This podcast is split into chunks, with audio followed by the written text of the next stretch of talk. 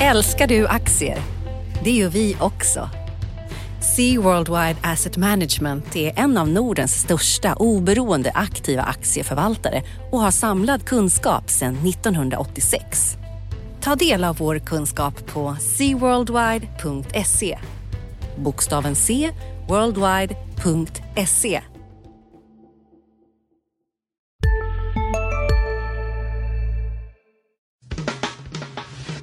Analyspodden från Dagens Industri. Hej alla lyssnare där ute. Eh, du lyssnar just nu på Dagens Industris analyspodd där vi analyserar marknaden och ekonomin och ibland politiken. Jag heter Ulf Pettersson och eh, mitt emot mig har jag idag Viktor Munkhammar. Eh, god morgon Viktor. Hej hej, god morgon. Du, allt väl? Det är det. Ja, bra. Vi har mycket att prata om nämligen så det gäller att du är liksom ja, på gång här och frisk och kry och så. Men det var kul att se. Du, vad tycker du vi ska prata om? Ja, alltså det, jag, jag håller ju på mycket med makrosaker. Det har varit en väldigt händelserik eh, vecka på den fronten. Både vad gäller svenska saker och utlandet. Vi har fått BNP-siffra, vi har fått lite indikatorer. Eh, det har varit lite genombrott i Brexit-förhandlingarna. OPEC har haft möte och lite andra saker. Precis. Och från min sida har det inte varit lika eh, hektiskt, jag som mest tittar på börskurser och företag och sådär. Men det har ändå varit en del. Vi har haft en eh, eh, H&M, Stefan Persson har varit ute och pratat. Det gör jag inte till. Har inte, Nej, en gång per decennium ungefär, ungefär vad ger han väl intervjuer. Just det, och eh, Anders Hägerstrand träffade honom, vår kollega träffade Stefan Persson här i veckan. Precis. Och det fick genomslag på börskurser och har faktiskt vänt H&M lite, så det tycker jag vi ska prata om. Och så har ju MTG haft kapitalmarknadsdag och därigenom blivit veckans vinnare. Och sen så har vi lite eh, uppåt-rekyl för banker och nedåt-rekyl för verkstad. Och eh, Stockholmsbörsen är faktiskt på två månaders lägsta medan USA är på topp. Så det finns lite att prata från Jaha. mitt håll också. Ja, ja, okej. Jag tycker vi börjar med dig. Vad är liksom the grey of the week? Eh, Ja, då får man väl säga om vi tar vi, från svensk horisont då är det ett, ett par riktigt starka indikatorer har vi fått. Eh, Först en eh, KI-barometer som steg eh, och visar att läget är betydligt starkare än vanligt i den svenska ekonomin. En bekräftelse lite på det, på det vi visste. Och idag på förmiddagen, det kanske vi ska säga också att det är fredagen första december när vi står här och pratar. Så fick vi ett jättestarkt inköpschefsindex nu på morgonen som studsade tillbaka ordentligt. Inte minst orderingången steg kraftigt och den är viktig. Det är ju lite så här framåtblickande. Den landade på 63,3. Fanns det några förväntningar på det där? Var Ja, det liksom... var nog det, ja, det, det fanns det. eh, Att den skulle studsa upp så mycket. Det var nog väntat att den, menar, den har ju legat på höga nivåer länge och 59 förra månaden, det är jättehögt. Gränsen är ju tänkt att gå vid 50 mellan tillväxt och kontraktion. Det var oväntat att, att den steg så. Den hoppar lite mellan månaderna men en bekräftelse på att eh, industribolagen ser jätteljust på, på tillvaron. Lite i kontrast till det här så fick vi en, ett BNP-utfall för det tredje kvartalet som ju visserligen är tillbakablickande då, men som var, som var i sig starkt. Eh, 0,8 procent i, i, i kvartalstakt och 2,9 procent i årstakt. Det är jättebra, men det var klart lägre än väntat. Eh, och eh, SEB SCB reviderade också ner lite tillbaka i, i tiden. Eh, Och det här är ett mönster som vi har sett länge. De här jättestarka indikatorerna och de bara, inom citationstecken, starka utfallen. Det är ett gap däremellan. Va, va, finns det någon förklaring på det där eller är det Ja, ingen, ingen riktigt bra eh, förklaring. Den som ibland förs fram är att, att eh, den här stora finanskrisen som ju faktiskt nu ligger nästan tio år tillbaka i tiden lite rubbade cirklarna hos folk. Att man, det, det som tidigare kanske resulterade i ett var bra, nu blir ett jättebra. Alltså att man har eh, liksom, var lite så nedtryckt i skorna att man jublar lite högre än man gjorde tidigare över förbättringar man ser. Sådär. Eh, och det är möjligen i så fall något som de här som gör de här enkäterna borde titta på med mätmetoderna, att man får börja förfina det. För de, de ger, alltså riktningen är rätt. Eh, Det går starkt och bra i ekonomin men, men det är ett, ett gap. Eh, Exempelvis om man tittar på, på KI-barometer, de nivåerna vi ser nu skulle vara förenliga historiskt med en tillväxt på 5-6 procent. Ja, och nu har vi 2,8 då. Ungefär, så. ungefär, ja, dubbelt så högt som vi faktiskt har. Spännande. Men eh, fortsatt bra tryck i den svenska ekonomin, det är det Mm. man verkligen kan ta med sig från, från veckan. Och vad beror det på då? Det beror på eh, lite olika saker. Dels, eh, inte minst att vi har ju äntligen en rejäl eh, global eh, konjunkturuppgång. Synkroniserad dessutom. Ja, eh, precis. Jag, jag såg, såg faktiskt en uppgift här i veckan. Eh, IMF, om de får rätt, om, eh, var en liten prognos, men att antalet länder som är i recession kommer vara det lägsta någonsin nästa år. Och vi har ju hela, samtliga OECD-länder växer eh, för närvarande exempelvis. Så det är en stark global konjunkturuppgång. Det, det är väl det viktigaste. Och sen har vi i Sverige en expansiv penningpolitik och även en eh, expansiv eh, finanspolitik. Och den här cocktailen är ju mumma för konjunkturen. Ja, och då är det bara 2,8, det kan man ju fundera på. Ja, 2,9 i årstakt då. 2,9. Men det är ju, ja, alltså tillväxttoppen i liksom på det sättet, den nådde vi nog eh, för si- sista kvartalet eh, 2015. Men däremot om man ser till resursutnyttjande och sånt så är vi nu i en högkonjunktur. Det vill säga att vi, Sverige eh, går, går bättre än vi egentligen klarar av och det är därför en del börjar oroa sig för överhettning och sånt. Men några sådana tendenser ser vi, ser vi faktiskt inte. Så att, eh, starka, stark eh, konjunktur för, för svensk eh, räkning. Just det. Någon annan som vi vet jag väntade ihärdigt på, det var ju eh, alltså det amorteringskravet eh, som, som offentliggjordes här och som nu blir av då. eh, Att man, Precis. det hade ju varit oerhört förvånande om det hade inte blivit, eller? Det får man väl ändå säga. Ja, det där är ju intressant. Det är ju det som är, verkligen här under hösten har seglat upp som ett, som ett hot mot den här starka svenska konjunkturen. Vi har ju byggt väldigt mycket nu under ett antal år eh, och eh, bygginvesteringarna är uppe nu i ungefär 12 procent av BNP. Eh, det är de nivåerna vi inte sett på sedan miljonprogrammets dagar. Det är ungefär den nivån där Danmark låg innan, innan fastighetsmarknaden kraschade där 2007. Då kom ju, det var ju finanskrisen också då som kom. Så att vi har blivit väldigt beroende av byggkonjunkturen för de här starka tillväxttalen. Och om det då börjar skaka där så kan ju det ganska snabbt slå på tillväxten. I år ungefär en tredjedel av den totala tillväxten i Sverige kommer från bara bostadsbyggande. Mm, mm, mm. Sen finns det annat byggande också.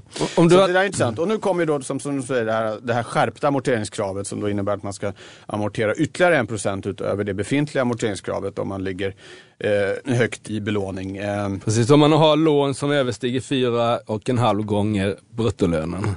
precis, inkomsten, hushållets inkomst. Ja, hushållets per person. inkomst. Ja. Mm, just det. Eh, och det får vi se. Ja, som du säger, om, om regeringen hade sagt nej till det här, det hade varit väldigt konstigt. De har ändå, Eftersom politikerna inte är förmögna att fatta några som helst beslut när det gäller bostadsmarknaden, eh, så har man ju outsourcat det då till Finansinspektionen som ska, ska sköta, sköta det här. Och så kommer Finansinspektionen med förslag och säger, ja men vi tycker att det här är- nödvändigt att genomföra. Om regeringen då säger nej, då blir det liksom, ja vi vågar inte göra det själva, ni får säga vad vi ska göra och så säger vi nej när ni gör något. Det, Ja, det blir nej, jättekonstigt. Sen tror jag inte att de var helt nöjda med det här för det, det kommer ju antagligen att spä på den här oron som finns. Det man kan tänka sig att på riktigt kort sikt Mm. att det blir en liten skjuts uppåt därför att folk vill se till att få sina lånelöften innan, Innan de här ja. eh, reglerna då börjar gälla första mars nästa år. Det, det, blir ju intressant att se vad som händer med det. Men så blir det av allt att döma. Det var en liten brasklapp där från Per Bolund och finansmarknadsministern att det är ju faktiskt först första mars som sagt det här ska gälla. Om vi får liksom en, En en, krasch innan dess så- så i det. kan det ju, kan det ju ändras. Jag kan ju tycka att att man avhänder liksom bankerna, alltså det är ändå bankerna som bestämmer om du och jag ska få låna pengar. Eh, och då borde de väl få göra det. Det finns ju så mycket annat att göra egentligen från statligt håll än att liksom gå in och pinpointa. För hade man liksom varit riktigt ordningsam här så hade vi ju kunnat publicera listan på de personer det gäller så att säga. eh, På nästan om vi visste vad de hade för lån. Det känns ju som att det är ett litet ingrepp i hur bankernas liksom sätt att arbeta. Ja, ja, jo det var, jag hade Annika Winst, Nordeas chefsekonom, eh, som gäst i min podd Makrorådet eh, här eh, nyligen. Och hon hon, hon, hon sa liksom att hela lå, lånemarknaden har inte varit så här reglerad sedan 80-talet. Nej. Eh, med eh, allt det som finns nu. Och det är den vägen man har valt. Istället för att göra ordentliga reformer på bostadsmarknaden. Eh, alltså ta bort ränteavdragen, återinföra fastighetsskatten, släppa hyrorna fria. Och så vänta i fem år, då skulle det i princip vara löst. Ja. Men det är, ju- det är jobbigt och då har man istället gått in med de här reglerna. Och visst, många tycker att tajmingen är helt fel att införa det här nu när det har börjat skaka. Eh, Å andra sidan, tajmingen kommer väl aldrig kanske vara vara helt rätt. Och om vi inte liksom använder de verktygen vi borde använda, ja då kanske det är här man får, får ta till. Men, men visst är det ett, ett sätt, man skulle kunna lägga det här kravet på bankerna istället och säga att av er totala lånestock måste det vara den här, den här balansen och så får bankerna styra upp det. och det som kommer slå, det som slår är ju mot de här som har varit under press eh, i, under hösten här, eh, alltså bostadsutvecklarna, det är, det är deras kunder som åker dit, eller som påverkas mest egentligen. Det är ju inte de här ute i landet som redan som har bott i sin tio år gamla villa där man inte har den Nej, typen av lån nej. egentligen och Och- inte de bostadspriserna Och heller. den oron man kan ha ur ett liksom större perspektiv är ja, vad, vad betyder det här för rörligheten på bostadsmarknaden? Är man 22 och har fått ett jobb i Uppsala och då liksom inte kan skaffa sig en bostad där, ja, då kan man inte ta det, det jobbet. Eller börja studera i Umeå eller vad man nu ska göra. Eh, det är ju försämrad rörlighet, det är liksom någonting som är väldigt dåligt för ekonomin. Så ur det perspektivet är det ju inte ett, ett bra förslag. Och om vi fortsätter med dina punkter där. Eh, eh, Du pratade, om- det var ju massor som hade hänt. Det var liksom i, massor som har hänt. i, i USA, vi har OPEC. Men om du ska Ja. välja en till som du tycker liksom, den här ska folk känna till och fundera kring för den är viktig. OPEC-mötet eller finns det något annat där i, i Ja, USA? då, om jag bara får välja en så, ja, OPEC-mötet, OPEC beslutade ju att förlänga de här produktionsbegränsningarna Ja. med ytterligare nio månader fram till, till nästa årsskifte. Mm. Eh, det var väntat så det har inte hänt så mycket med ol- oljepriset på det. Men, men någonting man kanske ska ta upp är väl att eh, det har skett ett litet genombrott i brexitförhandlingarna. Den här Ja. så kallade eh, notan, det vill säga hur mycket britterna ska betala. De har ju liksom åtaganden som kommer löpa. Och, och där, där har man ändå kommit, kommit överens om en, om en prislapp. Eh, eh, och det var ett, ett nödvändigt steg för att kunna gå vidare till nästa fas som är att ge, liksom, bestämma ett framtida, en framtida handelsrelation. Sen den svåraste nöten att knäcka där är väl hur det ska bli med Irland eh, och, och gränsfrågan där. Eh, så att eh, det är inte så att saken är löst och vi nu kan gå vidare. Hur stor sannolikhet är det att det blir en Brexit, att de lämnar? Är det 100% eller är det 70% eller vad tror man där ute liksom?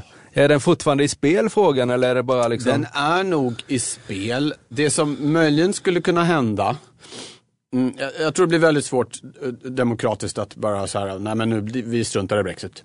Eh, men kanske blir det en, en, en, en ful men ganska smidig lösning, nämligen den här övergångsperioden som man ju pratar om. För man har insett att vi, vi kommer inte kunna förhandla liksom, fram ett, ett avtal som ska gälla på så här kort tid. Eh, utan det ska vara då Theresa May den brittiska premiärministern har pratat om en övergångsperiod på två år. Att man går in i en sån här övergångsperiod och ska förhandla och att den här övergångsperioden när, när liksom befintliga regler gäller, bara fortsätter och man förlänger den och förlänger den.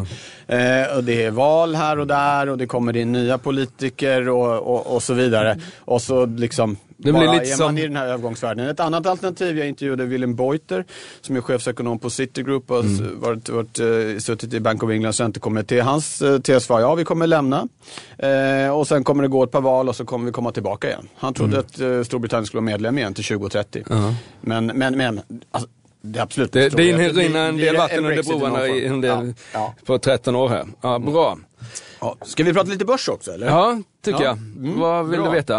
Eh, Ja, jag vill veta den här, det var ju som du var inne på, den här eh, stora intervjun vi hade med eh, Stefan Persson, hm gudfadern kan man väl, kan man väl säga.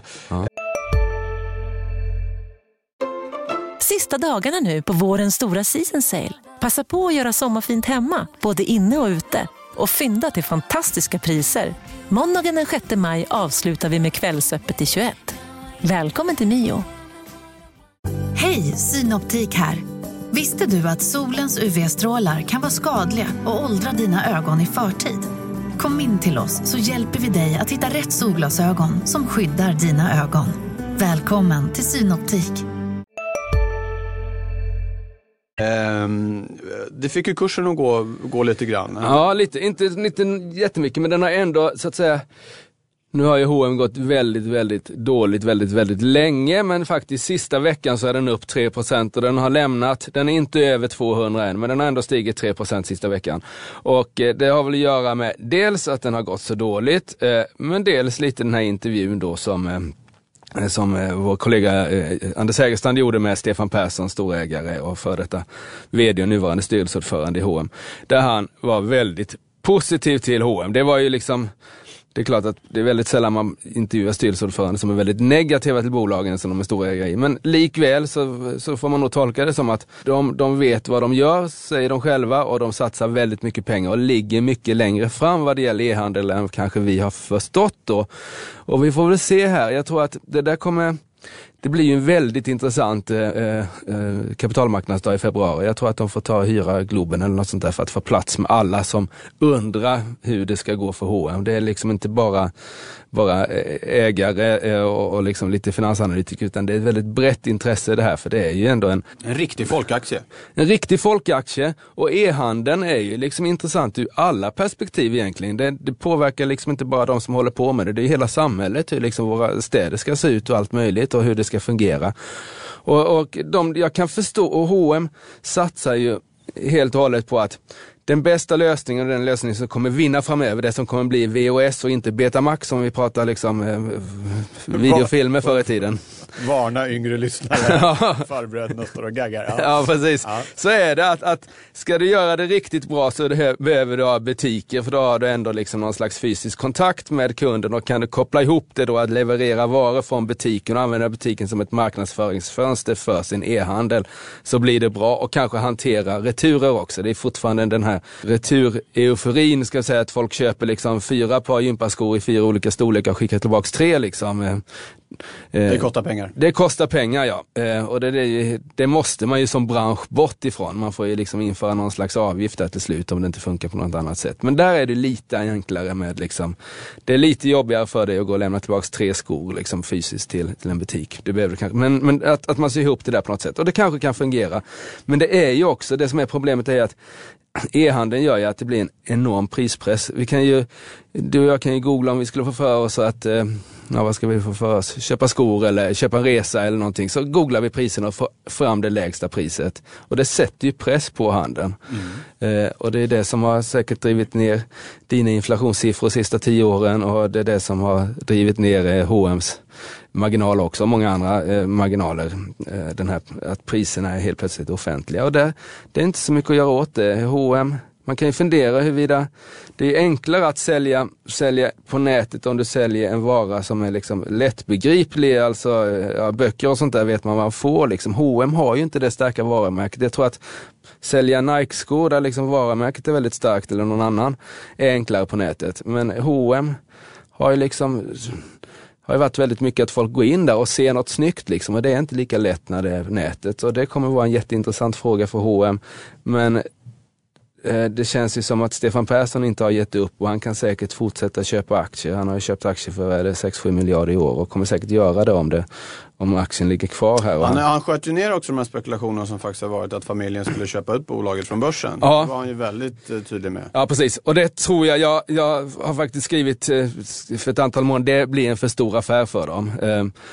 Skulle de göra det helt själva så att, det är ju liksom, vi talar ju om de skulle vi hundratals, ja de skulle göra ihop med EQT eller något sådär. Men det, men det som händer då är, det är att de tappar liksom den praktiska makten. Nu har de ju faktiskt makten över H&M. Men skulle de ta in någon annan som blir lika stor eller till och med större, då tappar ju familjen makt. Och det som också var, det har ju varit starka spekulationer om att Stefan, eller Carl-Johan Persson, sonen, skulle lämna vd-posten.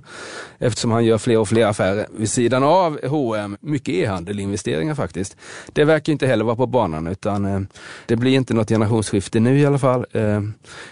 utan eh, han hoppades, som Stefan Persson sa i intervjun, att Karl Johan är kvar många, många år till. Och Karl Johan har ju, han är ju liksom en långvägare på börsen. Eh, jag tror han har suttit i snart tio år. Ja, nio år har han varit vd tror jag. Ja, och han är fortfarande, han är i alla fall yngre än mig. Jag vet inte om han är yngre än dig, men det är kanske också. Så han ja, har jag ju, tror faktiskt att han är marginellt yngre än Ja, så han har ju liksom ja. 10 år kvar, han har ju 20 år kvar. Och tror man på Reinfeldt så har han ju 30 år kvar liksom innan, innan uh, han behöver sluta. Ja, mm. Så det, det verkar det vara. Men, det, men lite, men jag tycker att, att det var ju bra att de var ute, det var bra att de förstår att de inte kan driva det här som ett familjebolag eh, vad det gäller informationslivning längre, eh, utan att de faktiskt har eh, majoriteten av aktierna ägs av andra än familjen Persson och det är bäst att de läser det och kommunicerar, vilket de gjorde nu via vår artikel här. Så det, det var ett, ett fall framåt för H&M men det betyder ju inte att aktiemarknaden har fått eufori och kört upp den 10-15% här, men den vände från bottennivå i alla fall. Ja, okay. En aktie som har gått eh, under nästan de där 10-15% eller ja, jag kan inte. Ja, men det är, men ja. MTG hade ju kapitalmarknadsdag i veckan också. Just det. Och det, det var klang och jubel. Det var klang och jubel. Det var lite intressant för dagen de hade kapitalmarknadsdag, då steg aktien lite grann, men det var tror jag, det var under en procent. Men dagen efter steg den 8 procent.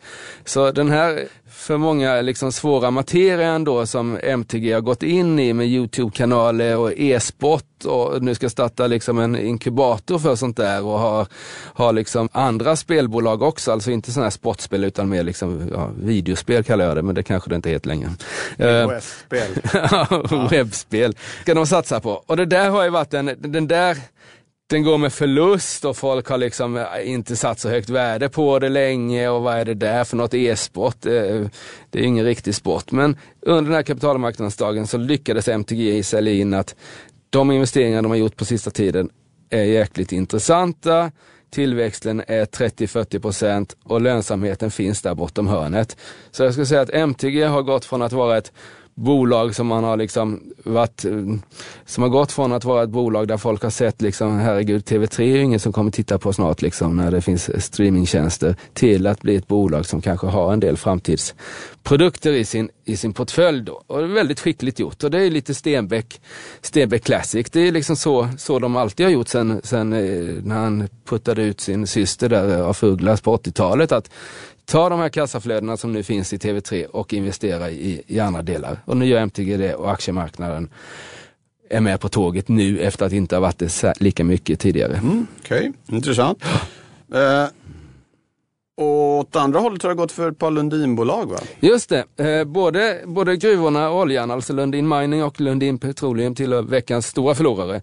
Eh, petroleum eh, gick ner för att de borrade torrt, så jag tror det var ner 7-8 procent och Lundin Mining var ner ännu mer, de föll 17 procent på en sån här uppdatering av verksamheten där framförallt investeringarna förväntades öka väldigt mycket, fördubblas jämfört med prognoserna. Eh, så det kommer ju dra, dra kapital plus att eh, de inte var så optimistiska på vad de skulle få ut i koppar och sånt där från sina gruvor. Så mm. det, var, det var negativt åt bägge hållen och ett rejält fall där för, för bolaget. Så det, det, det har inte varit någon rolig vecka för familjen Lundin kan man väl säga.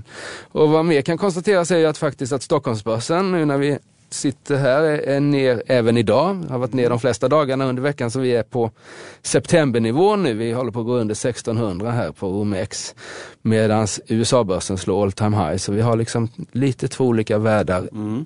USA där kan man väl tänka sig att det är den här äh, skattereformen som ju i någon form verkar bli av. Det blev ju ett litet äh, bakslag igår. Äh, ja, vi får se hur New York öppnar här på fredag eftermiddag ja. då. För det kan ju bli ner Precis, där kan man anta. Det var ett par senatorer som plötsligt kom på att vänta nu, det här kommer ju öka budgetunderskottet jättemycket. Ja. Och, och de här så kallade dynamiska effekterna, alltså att den ökade tillväxten som är mm. tänkt att bli konsekvensen av, av de här reformerna skulle driva upp skatteintäkterna. Mm. Att eh, nettot där kanske inte blir riktigt vad man, vad man hade hoppats på. Men, men det kan man väl tänka sig. I, i no, som sagt, i någon form så verkar den här... Eh, det måste ju bli någon skatt, men den kanske inte blir lika, lika fantastisk som... Alltså, jag kommer ihåg, det är ju ett år sedan nu drygt, när börsen Eh, gick ner jättemycket innan Trump blev president och sen där i november så steg den eh, jättemycket många dagar i rad och eh, dollarn for ju iväg också uppåt. Och det var just den här skattereformen som han pratade mycket gott om, eller mycket, mycket om. Men, och sen har det inte hänt så mycket, men nu är de på gång igen då. Det kommer väl bli något. Han, annars får, är det väl nästan så att liksom Trump lämnar in här om han inte får igenom någonting. Men det blir väl inte så mycket som man förväntar sig. Med den som verkar få lämna in är utrikesministern Rex Tillerson istället. Det. det. vet man inte heller. Det, det, ja, det är mycket fram och tillbaka. Ja. Det, det, är rörigt där. Men, men, men det, i alla fall, det kan man väl tänka sig är en orsak till att USA-börsen har gått så mycket bättre ja, än Stockholmsbörsen. Det är det. Så ska vi bara nämna kanske att det var en oväntat svag inflationssiffra för, för euroområdet. Eh, kärninflationen kom in på 0,9 och det var en besvikelse. Det här påverkar Riksbanken i förlängningen för ja. De behöver ju att ECB liksom går åt samma håll innan ja. de kan börja höja. Så att, eh, eh, vill inte riktigt ta fart inflationen i, i, i Europa trots den, den, starka konjunkturen. Ska vi kort eh, blicka framåt bara också kanske ja. nästa vecka. Det, det mest spännande från min horisont, så här på förhand i alla fall, ser ut att bli jobbsiffrorna i USA som kommer på, på, på fredag. Och, och inte minst löneökningstakten då som ju är viktig för inflationen där.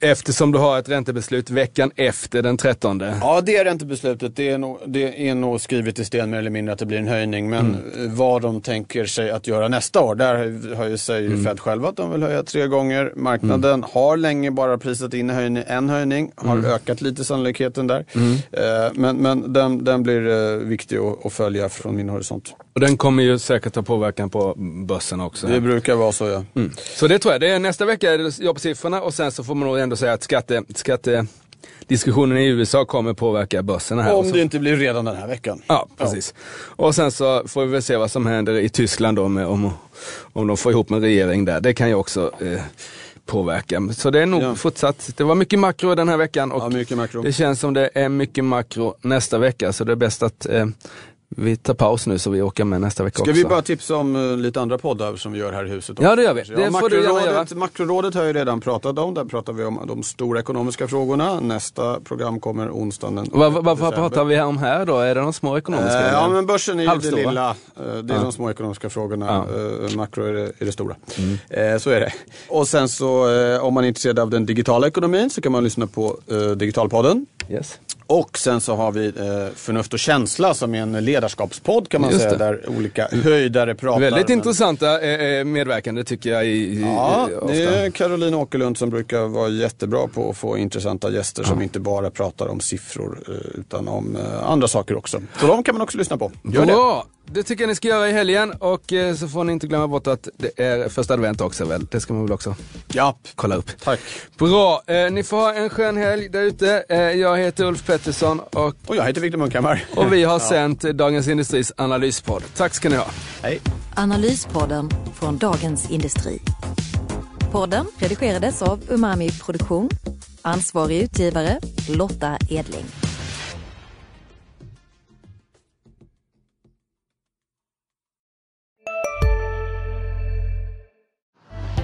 Älskar du aktier? Det gör vi också. Sea Worldwide Asset Management är en av Nordens största oberoende aktiva aktieförvaltare och har samlad kunskap sedan 1986. Ta del av vår kunskap på seaworldwide.se. Bokstaven C, worldwide.se